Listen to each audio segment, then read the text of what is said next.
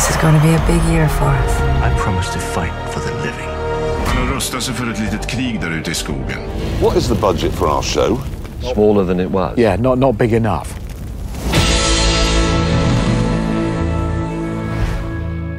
Ja, hej och hjärtligt varmt välkomna till Streamingpodden. En podcast för dig som är intresserad av streamingteknik och vad som händer i området. Det är med mig, Jonas Rydholm blir med och Magnus Svensson. Vi är båda från Hywind Technology.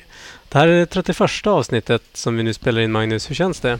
Det känns bra. Det känns bra. Det, var, det kändes som att det var länge sedan sist men det var nog inte mer än ett par veckor. Så att... Nej, jag tror det var två eller tre veckor sedan. Mm.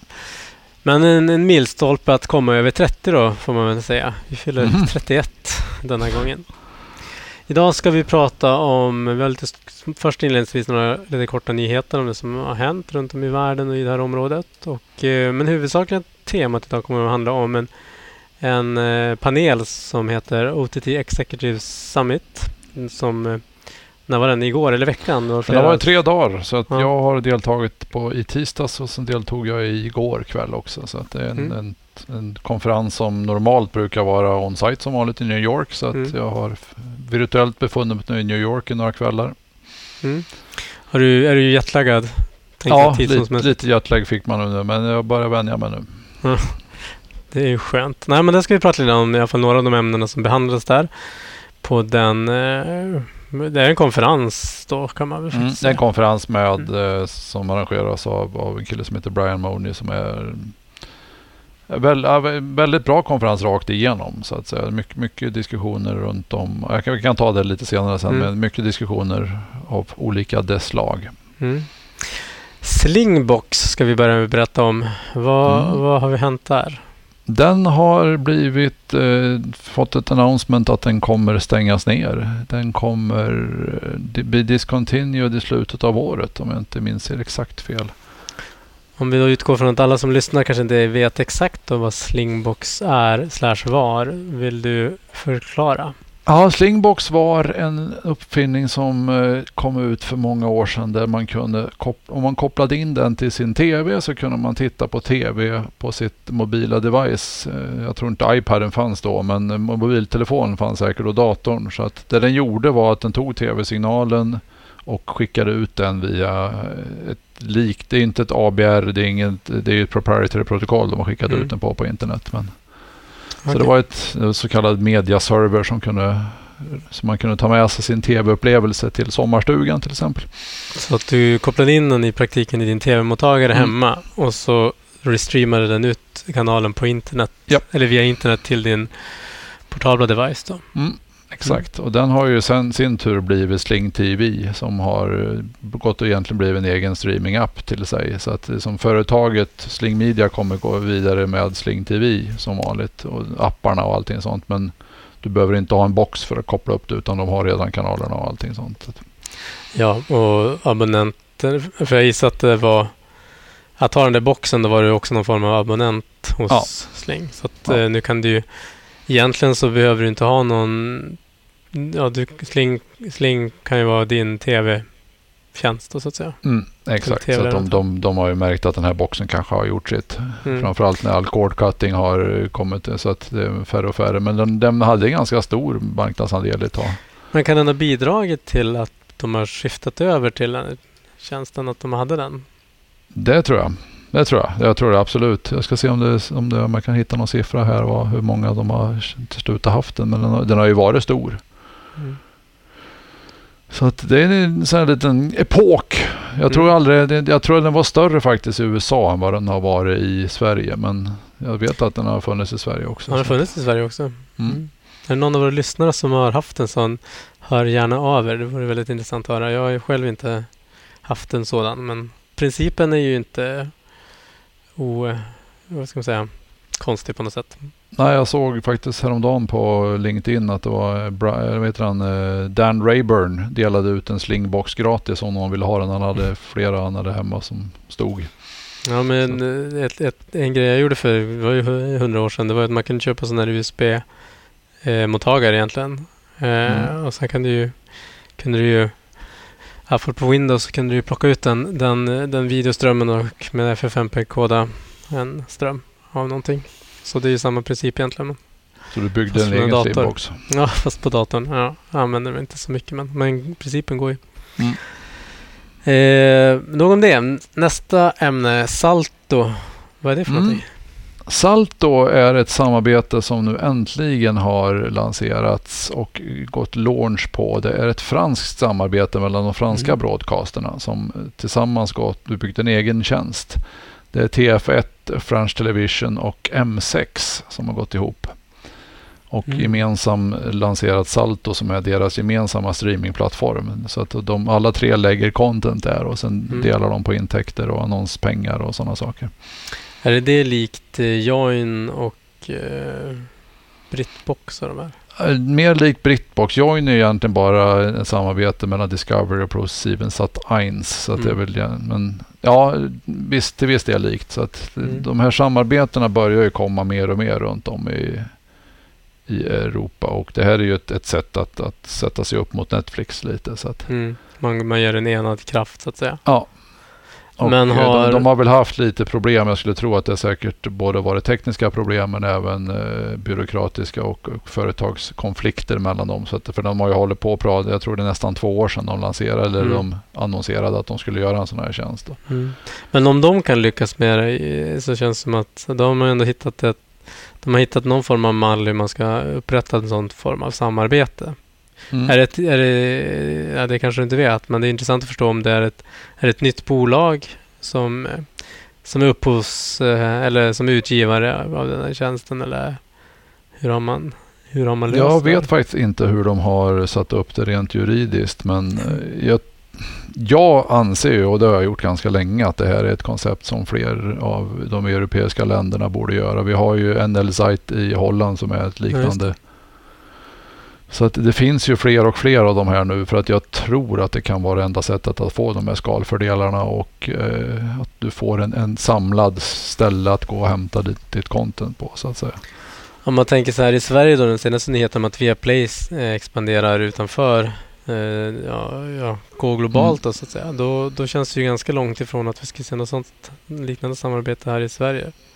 Ja, ja, det var ju lite det var också min tanke när jag, när jag såg att de skulle gå mer globalt, vilket i sig inte är en dålig strategi heller. Så att jag, jag tycker den är lite intressant den också. Mm. Så att, men jag håller med dig, den, den känns ju som att den kan, åtminstone att om jag skulle vara med på något gemensamt samarbete känns ju mer långsökt. Men samtidigt som vi har ju sett att samarbeta mellan Dplay och eh, eh, Simor TV4, TV4. Ja. Mm. Eh, I alla fall inte, inte en gemensam tjänst då, så man har inte sparat några teknikkostnader på det sättet men, men i, i content-samarbeten så att säga. Mm. Ja, jag, jag tror att vi kommer se mer och mer av de här någon, olika former av samarbeten. Jag tror att det är nästan enda sättet att få de här skalfördelarna. Men har någon av de här äh, egna streamingtjänster sedan tidigare som de, de nu fasar över folk från eller som de Ja, de har ju haft lite egna små initiativ, mer eller mindre TV Everywhere-tjänster mer skulle jag säga, Ja, som ett komplement till sina egna broadcast-stationer. Mm. Så att jag tror att det här är det första gången det blir riktigt OTT om man nu ska säga så. Mm. Så Ja. det, det är intressant att följa och se hur det går för dem nu. De, har ju, de lanserade ju nu äntligen efter som sagt var nästan två år. Men är det här en global tjänst eller är den eh, fransk? Den är fransk. Sen, Mm. sen har de väl säkert planer att gå globalt också men det handlar säkert mer om att då, då kan det bli en, en mer komplicerad rättighetsfråga och sådana saker. Mm. Bra. Och Ytterligare en sak att nämna då innan vi går in på huvudämnet är Netflix då som har väl också snappat upp det som många har snappat upp att man kan spendera ganska mycket tid med att eh, browsa runt i katalogen innan man make the investment att faktiskt trycka play så att säga. Eh, så för att minska den tröskeln lite grann när man inte vet vad man vill titta på så har de eh, Ja, vad är det de har gjort Magnus? Det de har gjort och nu är vi tillbaka i samma land, Frankrike igen, som är Mm. ett väldigt linjär tv-vänligt land, så har Netflix lanserat en linjärkanal i sin app. Bara på webben än så länge, men det är Mm. ändå en, en linjär variant av Netflix med till och med tablå. Så att det tillbaka till den klassiska filmkanalen där du Mm. måste slå upp och se när filmen börjar och sätta dig i soffan och titta på en film. Mm. Så, eller alternativt att när du slår på tvn så kommer det mitt i någonting. Ja. Mm. Tycker det är intressant och jag förstår att de provar. Det finns ett ganska stort behov där ute runt linjära upplevelsen och leanback TV. Sen om Mm. man behöver gå tillbaka ända till en, en tablå. Men Mm. är det så publiken vill ha det som ett komplement? Det är ju ingenting som kostar mer för Netflix att skicka ut en, en sådan ström än en, en, en video on demand-ström. Nej, det är klart man kanske vill ha där att man kan ringa sin kompis och slå på Netflix nu Mm. och titta på det. Ja. mm. ja, du får ju Watch Party så att säga funktionen på, Mm. på något sätt på en gång där för den kommer sändas tillsammans. Så att, Men vad... det, är- det är är ett ganska billigt komplement för att det kostar ju inte mer distributionskostnad eller någonting sånt för Nej. Netflix att skicka det på det sättet. Är det bara en kanal eller har de flera kanaler? Det är en kanal till att börja med vad jag förstod som heter Netflix Direct. Mm. Men jag, jag tror ju att vi kommer se det här både i Men fler finns länder. den kanalen även hos andra TV, TV, eh, TV-operatörer? Nej, den Nej. finns bara i Netflix egna eh, appar eller bara på webben till och med i första skedet. Alltså de går inte, de gör inte som Disney de är sin Disney Channel som de hade. Att, de har även det Det- i, utbudet. Det kanske blir nästa steg sen. I, I dagsläget så är det bara i deras egen tjänst och i, jag tror bara att de lanserade på i webben i första skedet också. Det handlar säkert Mm. om teknik till att börja med bara för att de, de som vanligt provar väl sig lite fram. De har ju börjat experimentera med sin shuffle play funktion också. Att du kan slumpa fram en film. Så Ja, okej. Ja, det kan jag känna jag kan behöva ibland. Mm. Ja, men jag förstår för att det, ju mer tjänster och ju mer utbud du har så till slut så blir man ju nästan paralyserad. Man blir som rådjuret på vägen i Mm. lampan. Liksom det, man, till slut så stänger man av och går och lägger sig. Ja, men det är just det där också att det, på något sätt innan man sätter sig och ser någonting så du, man om någon måste göra den här investeringen åt dig genom att bara Mm. Starta, igång det. För annars så, ja men det kanske finns något bättre. Eh, som, Man kan ju man lätt- är man rädd kan att man lägger den här- tid på någonting som Ja. man sen kommer ångra lite grann. Så, så att säga. Man kan ju lätt bygga ut det här sen så att man som därifrån kan man då fortsätta att sitta på serien och sådana här saker om man fastnar på någonting. Så att det är ju det är en bra det är en bra trailer-set också så att säga. Att du, liksom, Mm. du, du får ett, ett axplock av lite olika content och sen kan du fastna på någonting och fortsätta titta. Så att jag tror nog Netflix kan fortsätta utöka det här konceptet och säkert fler kommer säkert hänga på. Mm.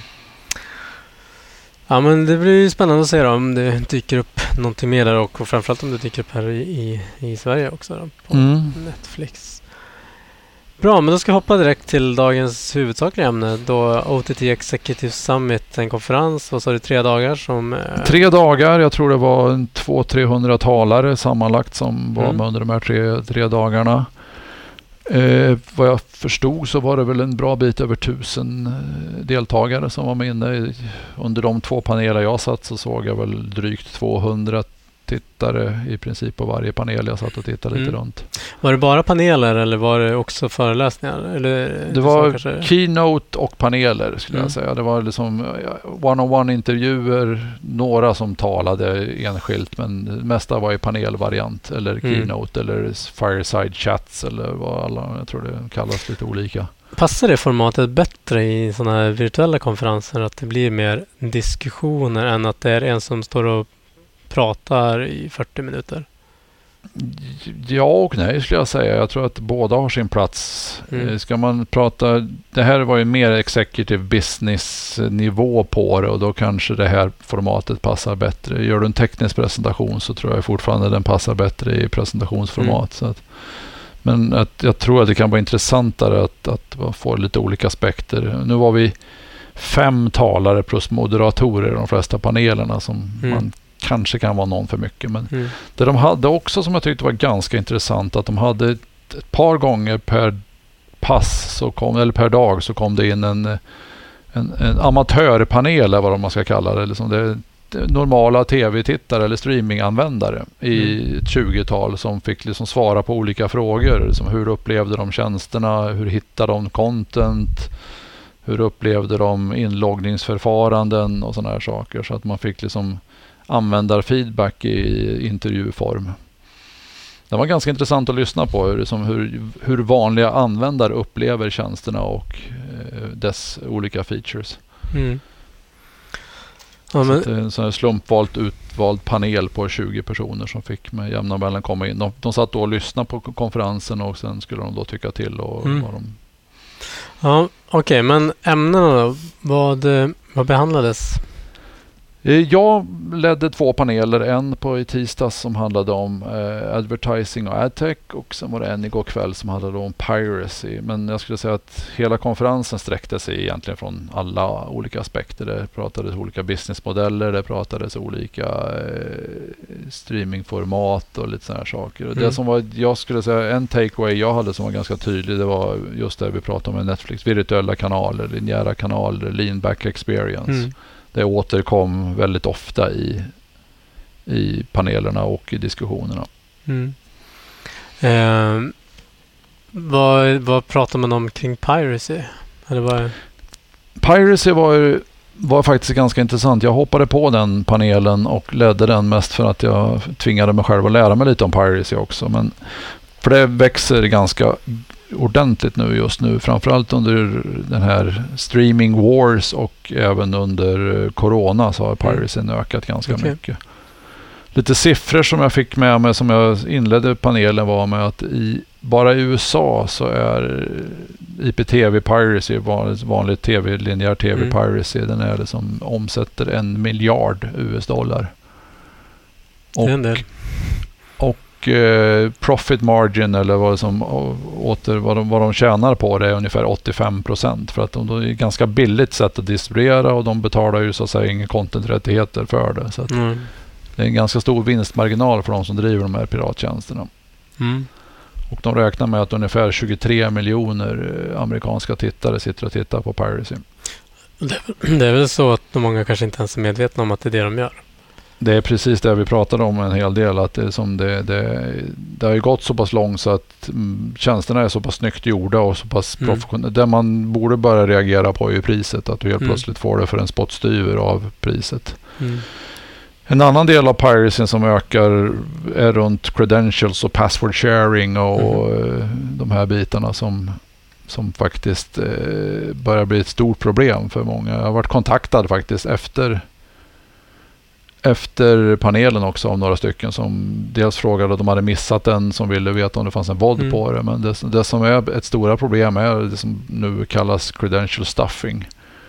Det är att, att eh, om, om någon eh, ful bov lyckas komma åt eh, username password till en tjänst så Mm. använder de den på och provtrycker alla andra tjänster med samma username password. För tydligen är vi väldigt förutsägbara Mm. vilka username password vi använder oss i de olika tjänsterna. Så Mm. Så, så det är problemet åt det hållet. Jag tänkte först när du nämnde att det var att man delar sitt kontolösenord med släkt och vänner och kompisar och sådär.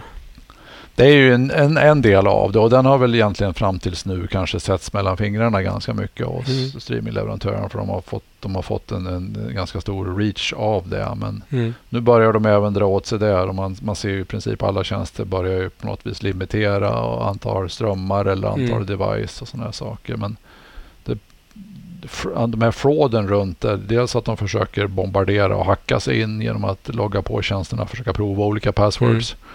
Men även då stuffing där de redan har kommit på det. Så att det är ett, det är ett svårare sätt att komma åt som, som du kan på något vis inte blocka det lika bra. Att, Nej, nej det är ju det är ingen som... Det är svårt att se mönstret att det är en icke Mm. re- giltig inloggning så att säga.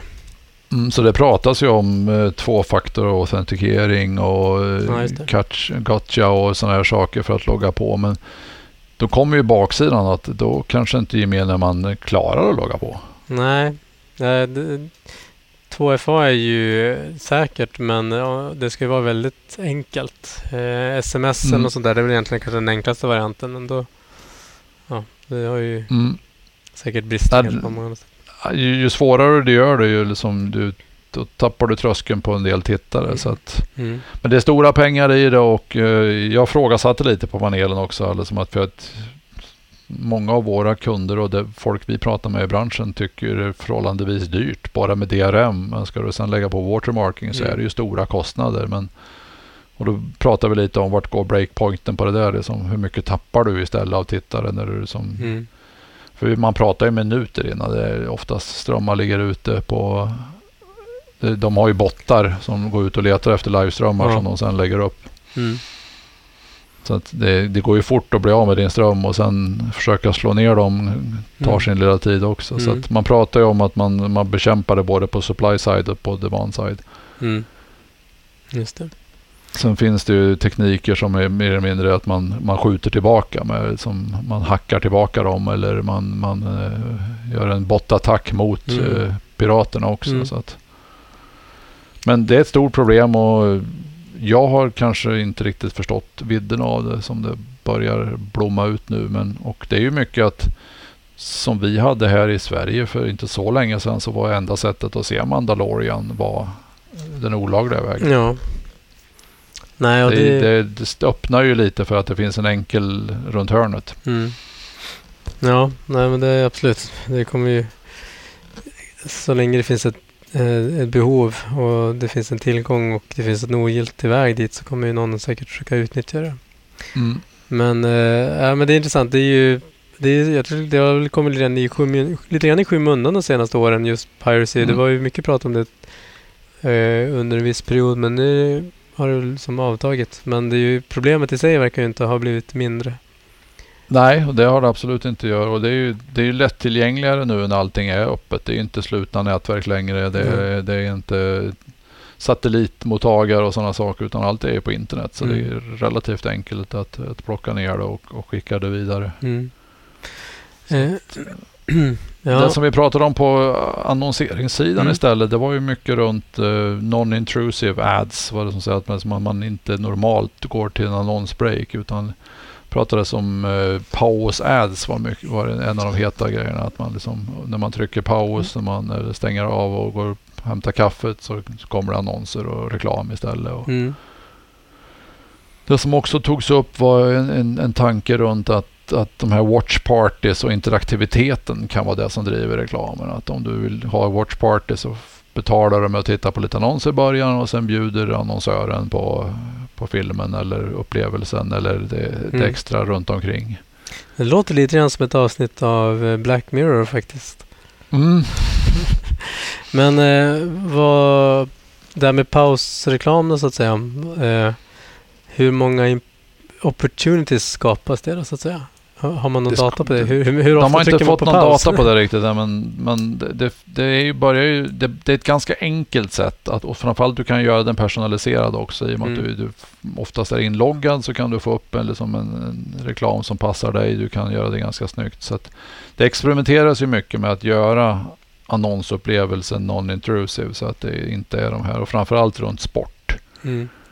För som viss sport är relativt an, antingen bombarderad med reklam när till och med sporterna börjar liksom ta extra pauser bara för att få in ytterligare Mm. reklam. Och, så att det, det, och sen det, det som är ett annat diskussionsämne runt i reklamvärlden som, som, har, som fortfarande diskuteras är ju runt ID-hanteringen när vi inte har kakor längre på samma sätt och Mm. man, man ska opta in för att skicka sitt ID och sådana här saker. Så att, Ja, det, Det- det- påverkar väl allt från... eh, Alltså visst, eh, demografi-targeting är väl en sak, men det har ju allt Mm. från eh, frekvens... Eh, mm, eh, alltså att förhindra att samma dyker upp igen så att säga för dig som Mm. tittare och sådär. Så att, sen kommer ju nästa steg som jag tror fortfarande kan vara intressant. Att det är med produktplacering och sådana saker. Du, kan liksom, du, du märker inte att du ser reklamen. Men det, då börjar du som, då nallar du ju lite på det konstnärliga istället. Så att, Mm. Nej men det har väl alltid varit ett problem eh, att eh, reklam har varit intrusive på ett sätt. mm, Det är ju, samtidigt som det är ju också, man, det är ju också, det är ju, inget är gratis då, får man väl komma ihåg då. Så Nej. att man får kanske, man, om man förstår att jag står ut med det här i minut, eh, uppsidan är att jag faktiskt kan titta på det utan att betala, så kan det vara, Mm. Det är viktigt och jag, tror ju, jag tror ju att ju mer det är ägnat till mig, ju mer targeted det är, ju bättre kommer jag uppleva det och ju mindre störande också. Att om jag får reklam som åtminstone är i linje med vad är mina intressen. Så. Man måste ta bort alla onödiga störmoment också tänker jag. Att Mm. eh, själva att upplevelsen kring. Reklamen i sig kan ju vara ett avbrott att det är reklam. Men då ska du ju Mm. absolut inte ha några andra, andra avbrott i form av att det tar lång tid att ladda reklamen eller att det buffrar eller att det var en allmänt dålig upplevelse. Det, det blir ju extra dåligt i, i just det sammanhanget. Ja, det var ju en som pratade en hel del om att, eh, att han med hjälp av AI och machine learning kunde kunde känna av i var i säljcykeln eller köpcykeln du som abonnent var av något visst, eh, viss vara. Om du var sugen på att köpa en ny tv eller en ny tvättmaskin så genom ditt beteende i övrigt så kunde de lista ut att nu var du ganska nära att köpa och då, var du, då kunde du få högre CPM-kostnader för en sån reklam. Mm.